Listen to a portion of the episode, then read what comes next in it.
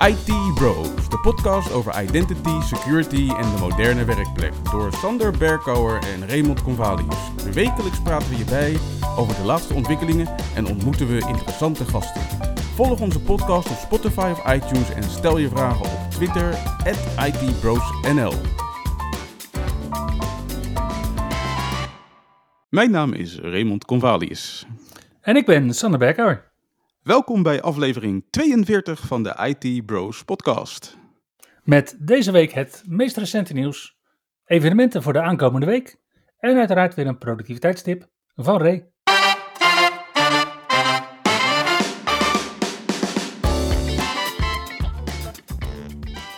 Het was toch weer een week vol nieuws. Je zou het niet zeggen, maar we vinden toch elke week nu zo een beetje wel nieuws wat onze interesse wekt. Ja, duidelijk. Ja, het begon denk ik een beetje met uh, nog meer nieuwe hardware van Microsoft. Nieuwe hardware is altijd leuk. Ja, en deze keer was het uh, ja, eigenlijk reeds aangekondigde hardware. Microsoft heeft namelijk in de Verenigde Staten zijn Qualcomm ontwikkelaars PC beschikbaar gesteld. Oftewel voor de ontwikkelaars van ARM-based software is er nu een machine met een Snapdragon 7C SoC. Maar het is dus een andere SoC dan daadwerkelijk in de Surface Pro X zit bijvoorbeeld, toch? Ja, en hij is ook duidelijk zwakker volgens mij. Maar het is in ieder geval een machientje waarop je je software kan testen als je ARM-software ontwikkelt voor Windows. Oké, en dan draait het op je testmachine draait het langzamer, dus dan kunnen mensen eigenlijk alleen maar betere software gaan maken. Het schijnt dat de ontwikkelaars dat prettig vinden. Dat heb ik ergens gelezen. Gelukkig maken wij niet een podcast voor ontwikkelaars, maar voor IT-pro's. En ik ken geen enkele IT-pro die het leuk vindt om op een trage machine te werken. Sterker nog, je weet wat ze zeggen, Ray. Als je echt wel weet hoe iemand in elkaar zit, geef hem dan traag internet. Ja, nou ja, goed. Het, het, het verhaal erachter is dat uh, ontwikkelaars, zeg maar, met, met relatief trage hardware, hun software beter zullen optimaliseren om snel te draaien. Microsoft is gelukkig ook een softwarebedrijf, naast een hardwarebedrijf. Het lijkt er niet op de afgelopen weken, maar toch. Microsoft heeft deze week namelijk een update uitgebracht voor alle ondersteunende Windows Server versies. En dat is, ja, op Azure is dat ook Windows Server 2008 en Windows Server 2008 En op zondag, moet nagaan, hè, op zondag 14 november heeft Microsoft een update uitgebracht die een aantal gebroken zaken op domain controllers fixte. En dat waren allemaal zaken die gebroken werden met de maandelijkse update van 9 november. Ja, wat ik las is dat uh, single sign-on een beetje erg stuk was. Ja, in bepaalde scenario's. En het waren dus allemaal scenario's waarin je gebruik maakt van de service for user to self. Dus S for you to self mhm. functionaliteit. En ja, dat zijn specifieke delegatiescenario's in combinatie met Kerberos wanneer een frontend service een ticket on behalf of aanvraagt voor communicatie met een backend service. Dus denk bijvoorbeeld aan een, een IIS-server die namens een medewerker een query doet in een backend SQL server. Of denk aan een uh, web application proxy. Ja, dat was een stuk. Ja, en die heb ik nog geïmplementeerd voor een relatief grote onderneming. Ik ben benieuwd of ze daar last van hebben gehad. Ja, ja dan, en dan gaat het dus om het publiceren van sommige applicaties op, op basis van pre-authenticatie. Ja. Dus dat betekent dat je dus ook je web application proxies als domain joint hosts hebt moeten implementeren. En als ik dat dan uitleg aan organisaties, dan zeggen ze meestal: ja, dat uh, we houden ze wel apart in DMZ. Dus ik, ik, weet niet, ik weet niet hoe groot de impact is. Ik ook niet, hangt er een beetje vanaf hoe vaak het is ingezet. Ik weet, ik weet in ieder geval van uh, mijn klant dat het wel zo draait. En dat het potentieel last heeft gehad van deze bug. Alright. Jij zegt dat het potentieel last heeft gehad van deze bug. Maar ik ga je vertellen dat het dan nu nog steeds last heeft van deze bug. Want Microsoft heeft wel op zondag zes updates uitgebracht. Voor al die hippe Windows Server besturingssystemen die ze momenteel nog ondersteunen. Maar die updates, die krijg je dus niet vanaf Windows Update. En die installeren zich dus ook niet automatisch. Oké, okay, er zal iemand uh, wakker moeten worden. moeten gaan trekken. Ja, precies. Ja, ja oké. Ja, dus het is net als een Azure Connect Staging Mode. Je moet eerst wakker worden voordat je het kan fixen. Oké. Nou ja, in ieder geval, er was ook uh, ander goed nieuws van Microsoft van de afgelopen week. Namelijk Windows 10 21 H2 werd GA. Eindelijk, zou ik bijna zeggen. Echt, hoe meer wij over Windows praten, hoe meer we in afkortingen gaan praten. 21 H2 en GA. Oké, nou ja, in ieder geval, uh, het is dus nu general available. En dat geldt dus voor eh, de 21H2, de laatste versie van Windows 10. En ja, verwacht daar geen grote wijzigingen in de functionaliteit. De belangrijkste wijziging... Ray, Ray, Ray, je zei de laatste versie van Windows 10. Je bedoelt de meest recente versie van Windows 10, hè? Oké. Okay, of bedoelde je dat Windows 10 de laatste versie van Windows is? Nee, dat zou maar... Wacht. Hmm. Nu raken we geloof ik zelf een beetje in de, in de war. Daar ga ik me niet over uitlaten. In ieder geval, de belangrijkste wijziging in Windows 10 met de release van 21H2 is eigenlijk in het service model. Namelijk Windows as a Service, zoals we Windows kennen, gaat niet meer twee keer per jaar een nieuwe feature release opleveren, maar nog maar één keer per jaar. En daarbij moet je er ook nog rekening mee houden dat de supporttermijnen, ja, in ieder geval iets anders zijn dan die van Windows 11. Namelijk als je uh, Windows 10 Home of Pro gebruikt, dan heb je 18 maanden support voor de huidige versie. Waar dat op Windows 11 24 maanden support is. En als je Windows 10 Enterprise of Education gebruikt, dan heb je nog 30 maanden support. Waar dat op Windows 11 36 maanden support is. Maar een eventuele long-term service channel release, die blijft wel vijf jaar ondersteuning houden, toch? Die blijft wel vijf jaar ondersteuning houden. Maar hij is er alleen nog niet. Voor Windows 10 is er inderdaad een LTSC 2021 versie beschikbaar, waar die voor Windows 11 er nog niet is. Alright. Laten we nog eens even kijken wat er nieuw is qua features in Windows 10 21H2 GA.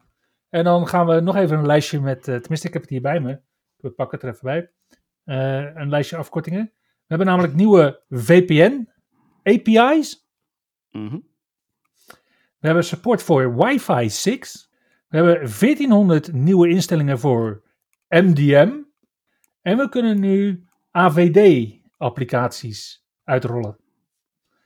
Dan hoor ik toch volgens mij in elke zin weer een afkorting. ja, als je de afkorting in ieder geval uitleggen, wel ja. Voor de trouwe luisteraars onder ons, MDM staat voor Mobile Device Management en AVD staat voor Azure Virtual Desktop. Waar stond wifi ook weer voor? Hmm. Goed. De 21H2-versie van Windows 10 is te installeren als een enablement package en daarbij heb je nog maar één reboot nodig. Voor Windows 10 21H2 heb je geen nieuwe versies nodig van de Windows ADK, oftewel de Windows Assessment and Deployment Kit, en ook geen nieuwe versie van Windows PE, oftewel de Windows Preboot Environment. Toevallig uh, ging mijn uh, machine vandaag eventjes uh, herstarten. Mm. En ik kan je dus ook vertellen dat die 21H2 versie, dat is vandaag de dag versie 19.044.1348. Ook handig om te weten. Yes, want ze hebben dus gewoon weer het nummertje 1 opgehoogd. Ja. En wat betreft het ophogen van nummertjes is Microsoft ook weer bezig geweest met Windows 11. En dan wel in de Developer Channel. Daar is build nummer 22504 deze week uitgekomen. Met als nieuws 13 thema's voor het Touch Keyboard. Nieuwe versies van uh, de Your Phone app en de Media Player. En uh, meer kleurenopties in emojis. Ik zag uh, grappige beelden voorbij komen van biculturele families. Gaaf. En ik hoor helemaal geen afkorting in je verhaal. Klopt. Al uh, is misschien de nieuwe keyboard shortcut uh, die beschikbaar is in Windows 11 build 22504 toch wel een soort van afkorting. Namelijk met Windows Alt K kan je je microfoon muten in de laatste developer preview van uh, Windows 11. Ja, en jij zegt mute, maar ik heb daar een gerucht over gehoord. Dat ze die knop ook gaan hernoemen.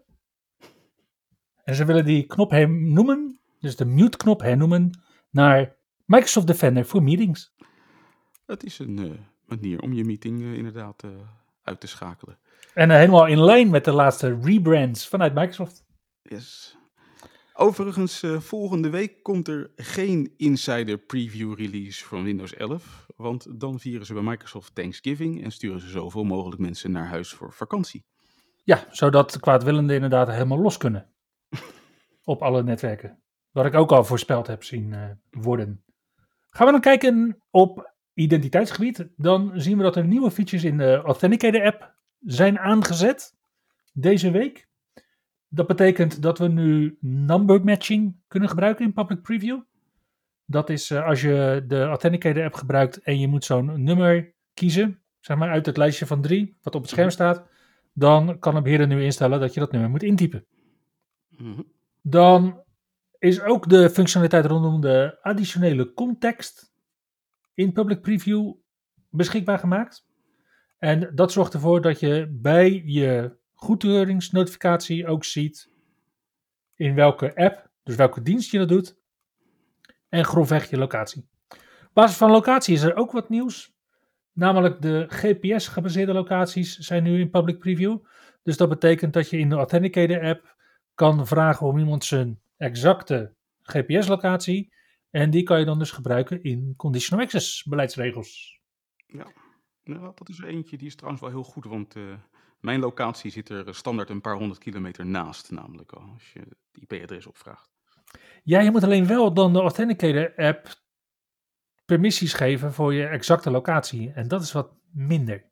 Ja. Hmm. Maar goed, de nudge functionaliteit, waarin je dus mensen die nog steeds uh, sms-berichten en telefoongesprekken gebruiken voor hun multifactor authentication, die is nu hernoemd. Die heet nu de Authenticator Registration Campaign.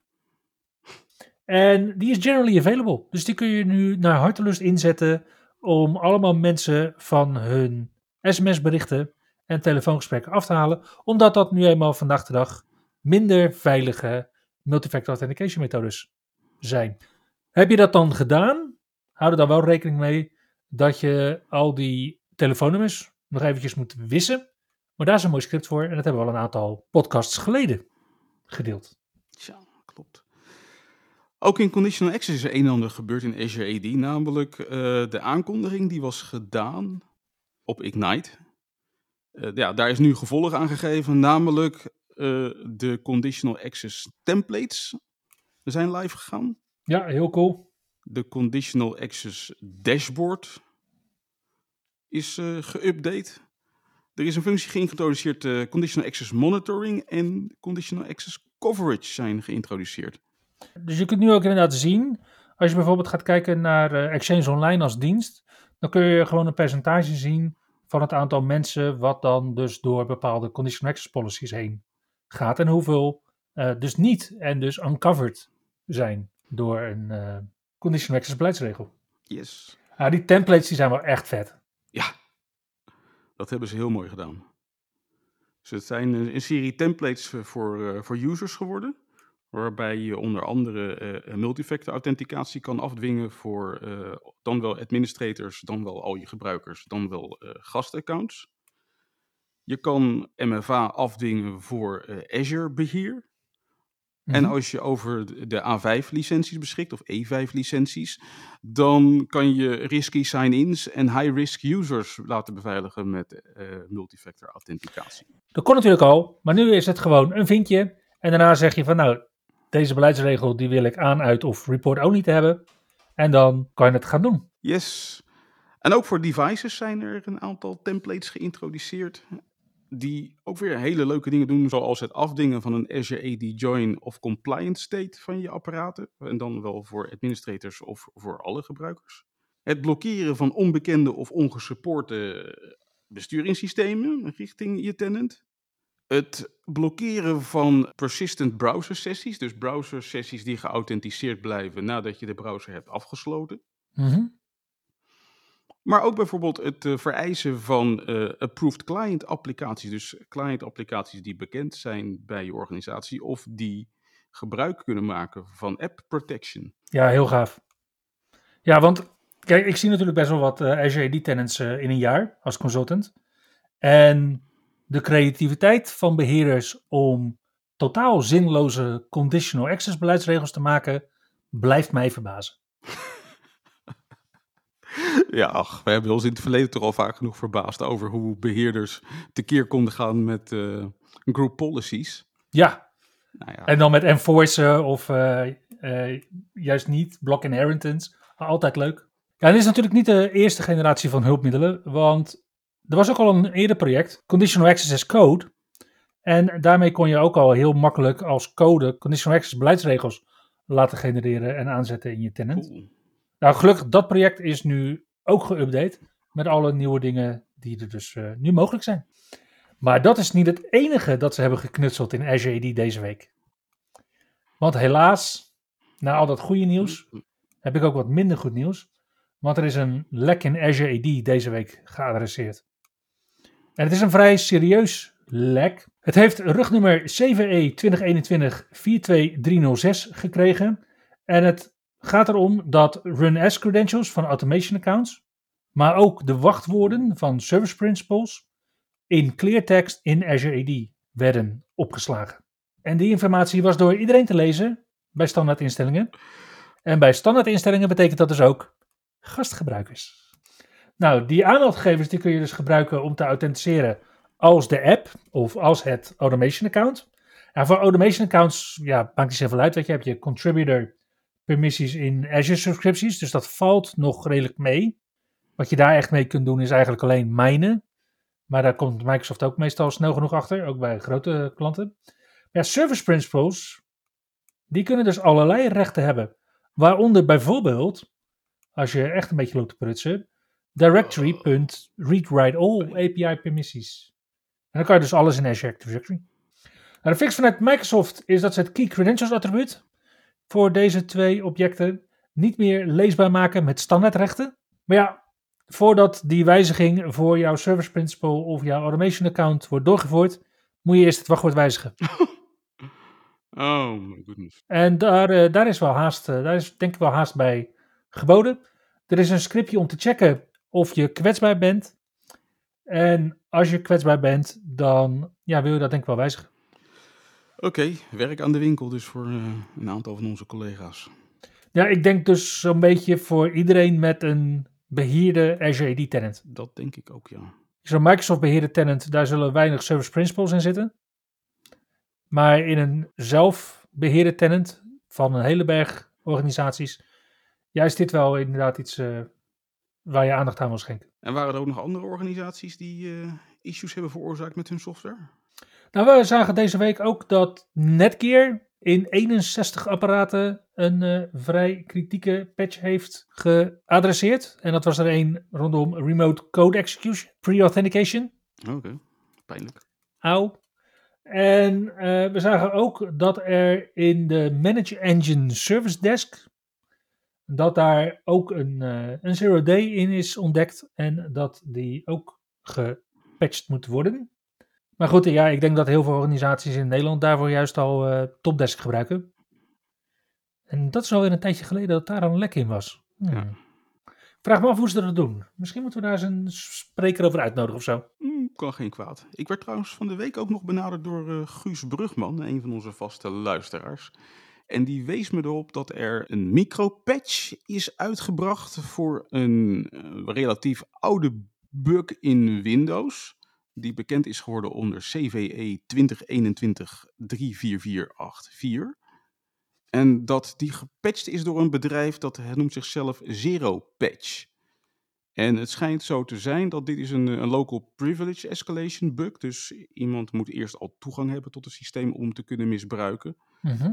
En Microsoft heeft die in augustus gefixt.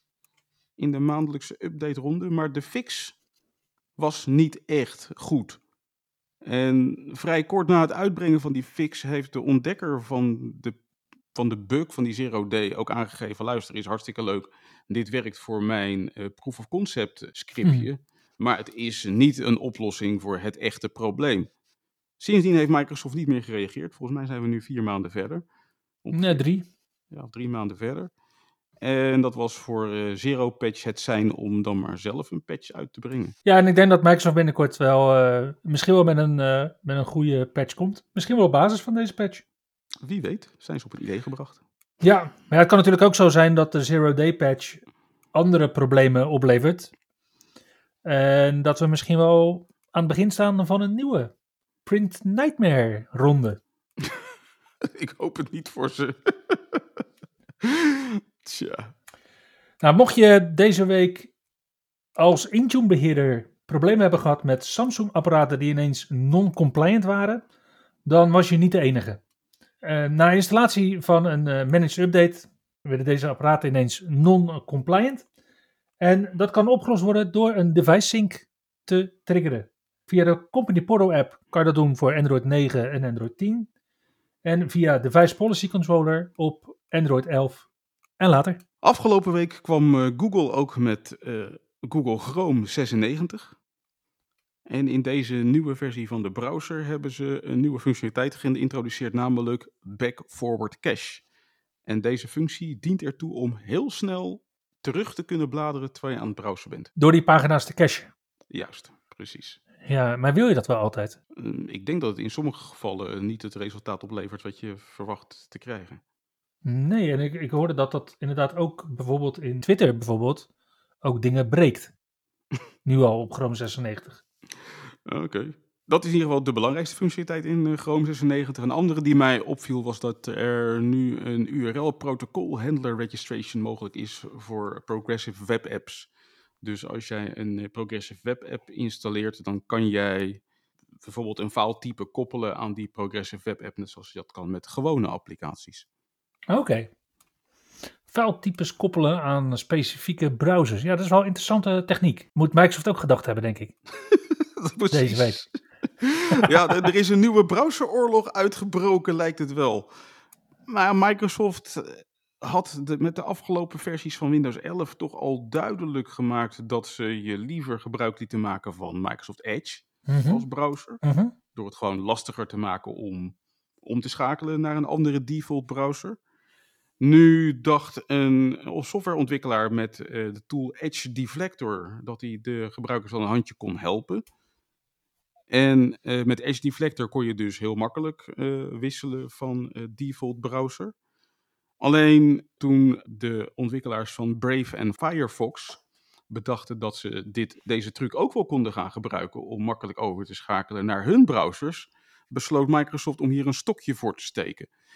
En nu blijkt dus dat in de laatste developer preview versies van Windows 11 dat er ja, een wijziging in zit waardoor bepaalde uh, URL's of bepaalde applicaties altijd de Edge browser zullen openen. En ik geloof dat het onder andere geldt voor de uh, widgets in Windows 11. Oké, dus net zoals in Azure AD Connect altijd nog e-explorer wordt gebruikt om de aanmeldschermen te tonen. Zoiets ja, alleen dan word je dus uh, ja, gedwongen om gebruik te maken van Edge. Nou ja, uiteraard zijn hier een flink aantal gebruikers uh, ja, niet blij mee.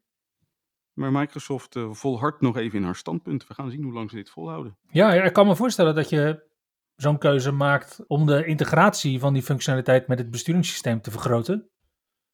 En dat je dat vanwege allerlei dingen die je aan Chromium zelf toevoegt, wel kunt bewerkstelligen, waar je dat met de echte Google Chrome niet kunt. Ja, alleen uh, Microsoft heeft hier al eens eerder zijn vingers aan gebrand. En ik vind het toch een beetje tricky dat ze dit op deze manier proberen door te drukken. Ja, misschien staan we wel aan het uh, begin van een oorlog.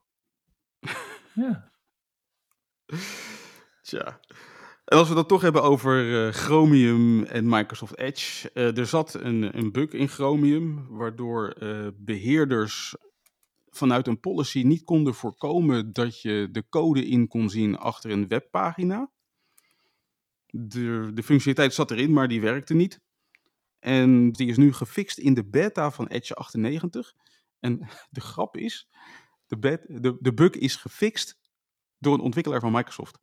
Dat is een drie jaar oude bug, die Google inderdaad nog niet gefixt heeft. Die een medewerker van Microsoft nu gefixt heeft. En die we dus in Edge 98 gaan zien. Ray, wat vind jij? Moet een foutmeldingsscherm zwart, groen of blauw zijn? ja, in het kader van Black Lives Matter vond ik um, in Black wel aardig eigenlijk. Maar goed, uh, misschien wordt, is dat ja, voor een blue screen of dead of een black screen of dead misschien wel juist uh, een minder mooie associatie. In ieder geval, Microsoft heeft besloten dat hij weer blauw moet zijn. De BSOD. Oftewel het crash-scherm van Windows. Dus we gaan weer terug naar nostalgiek blauw. Ja, ja, ja, ja. Want, eh, ja, want er is nogal wat gebeurd met die eh, blue screens.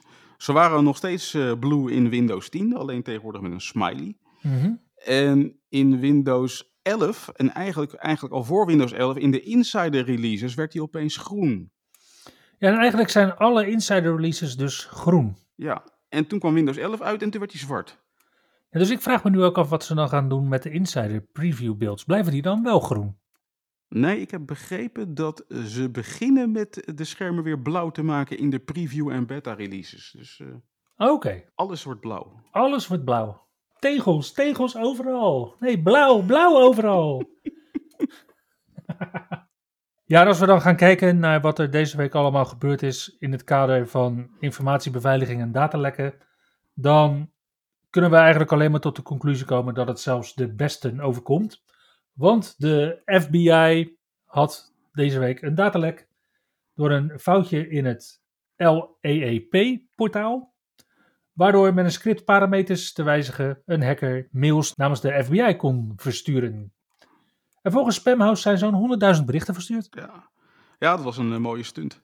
En het heeft eh, de FBI een heleboel calls naar haar helpdesk opgeleverd. Van eh, ongeruste systeembeheerders die een mail kregen, binnenkregen die ze niet helemaal konden plaatsen namens de FBI. Gelukkig zijn niet alle kwaadwillenden technisch even goed onderlegd. Want we hoorden deze week ook over duizenden WordPress-sites die gehackt waren. Waarbij eigenlijk de hele ransomware een add-on bleek te zijn die gemakkelijk te verwijderen weet.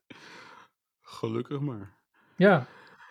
En dan vraag ik me toch af hoeveel mensen daar eh 500 of 600 euro voor hebben betaald om dat eh, weg te laten halen. Ja, nou ja, dat is een eh, kostbaar grapje voor een hoax.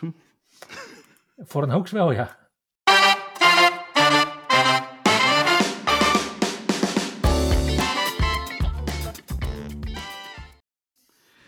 De evenementen voor de komende week. Komende week is volgens mij niet zo heel druk met evenementen.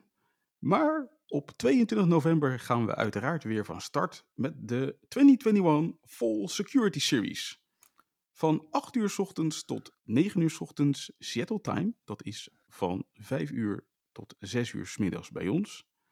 Gaan eh, Shirley Kochavi, Christopher Romeo Munoz en Maria de Sousa Valadas het hebben over Azure Sentinel in een sessie die heet Everything You Ever Wanted to Know About Using the New Azure Monitor Agent with Azure Sentinel.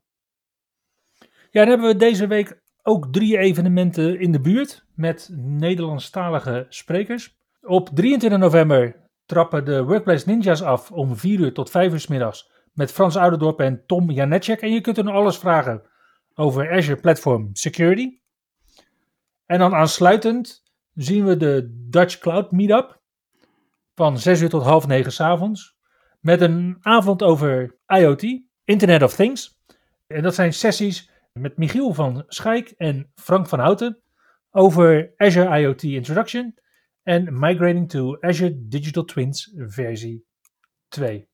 En dan op 25 november eh, hebben onze Belgische vrienden van MC2MC een evenement waarbij Richard Hooper en Wesley Haakman presenteren over Ignite containers op de Azure Roadmap vanuit Ignite. Dan presenteert mijn mede Enterprise Mobility MVP maatje Kaido Jervamets Protecting the Keys to the Kingdom. Met alles over conditional access en identity protection en dat soort dingen. Mhm. Dan presenteert Dubravko Marak nog een sessie over Autopilot en Intune. En wat er dus in de afgelopen drie jaar is gebeurd. En Michiel van der Eken van Microsoft België, die presenteert een sessie, maar het is nog niet helemaal bekend waar het over gaat. En al deze drie evenementen zijn ja, eigenlijk noodgedwongen, virtueel.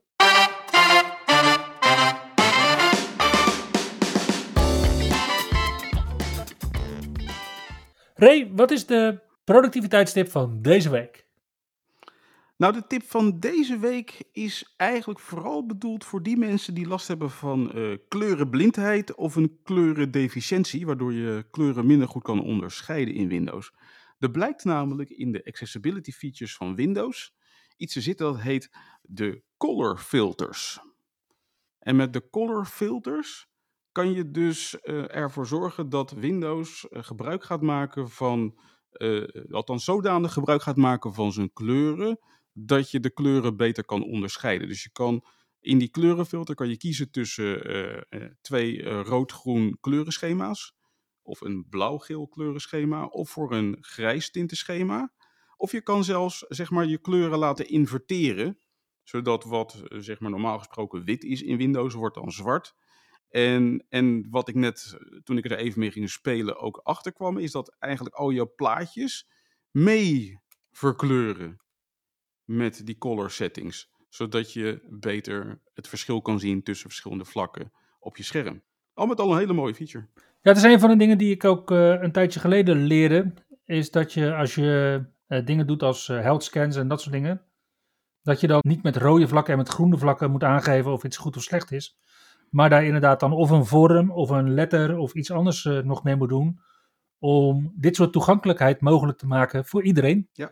Ja, dat is voor mij is dat inderdaad een van mijn uh, eerste lessen geweest. Als je slide deck bouwt, doe nooit iets met rood en groen. Want uh, waarschijnlijk de helft van de zaal ziet het verschil niet. Ja. Daarmee zijn we gekomen aan het einde van aflevering 42 van de IT Bros podcast. Dankjewel voor het luisteren. En tot de volgende week. Tot de volgende week. Je luisterde naar IT Bros, de wekelijkse podcast over identity, security en de moderne werkplek. Abonneer je op Spotify, iTunes of Google Podcast als je de volgende aflevering niet wilt missen. Heb je hints of tips? Laat dan van je horen op Twitter. ITBrosNL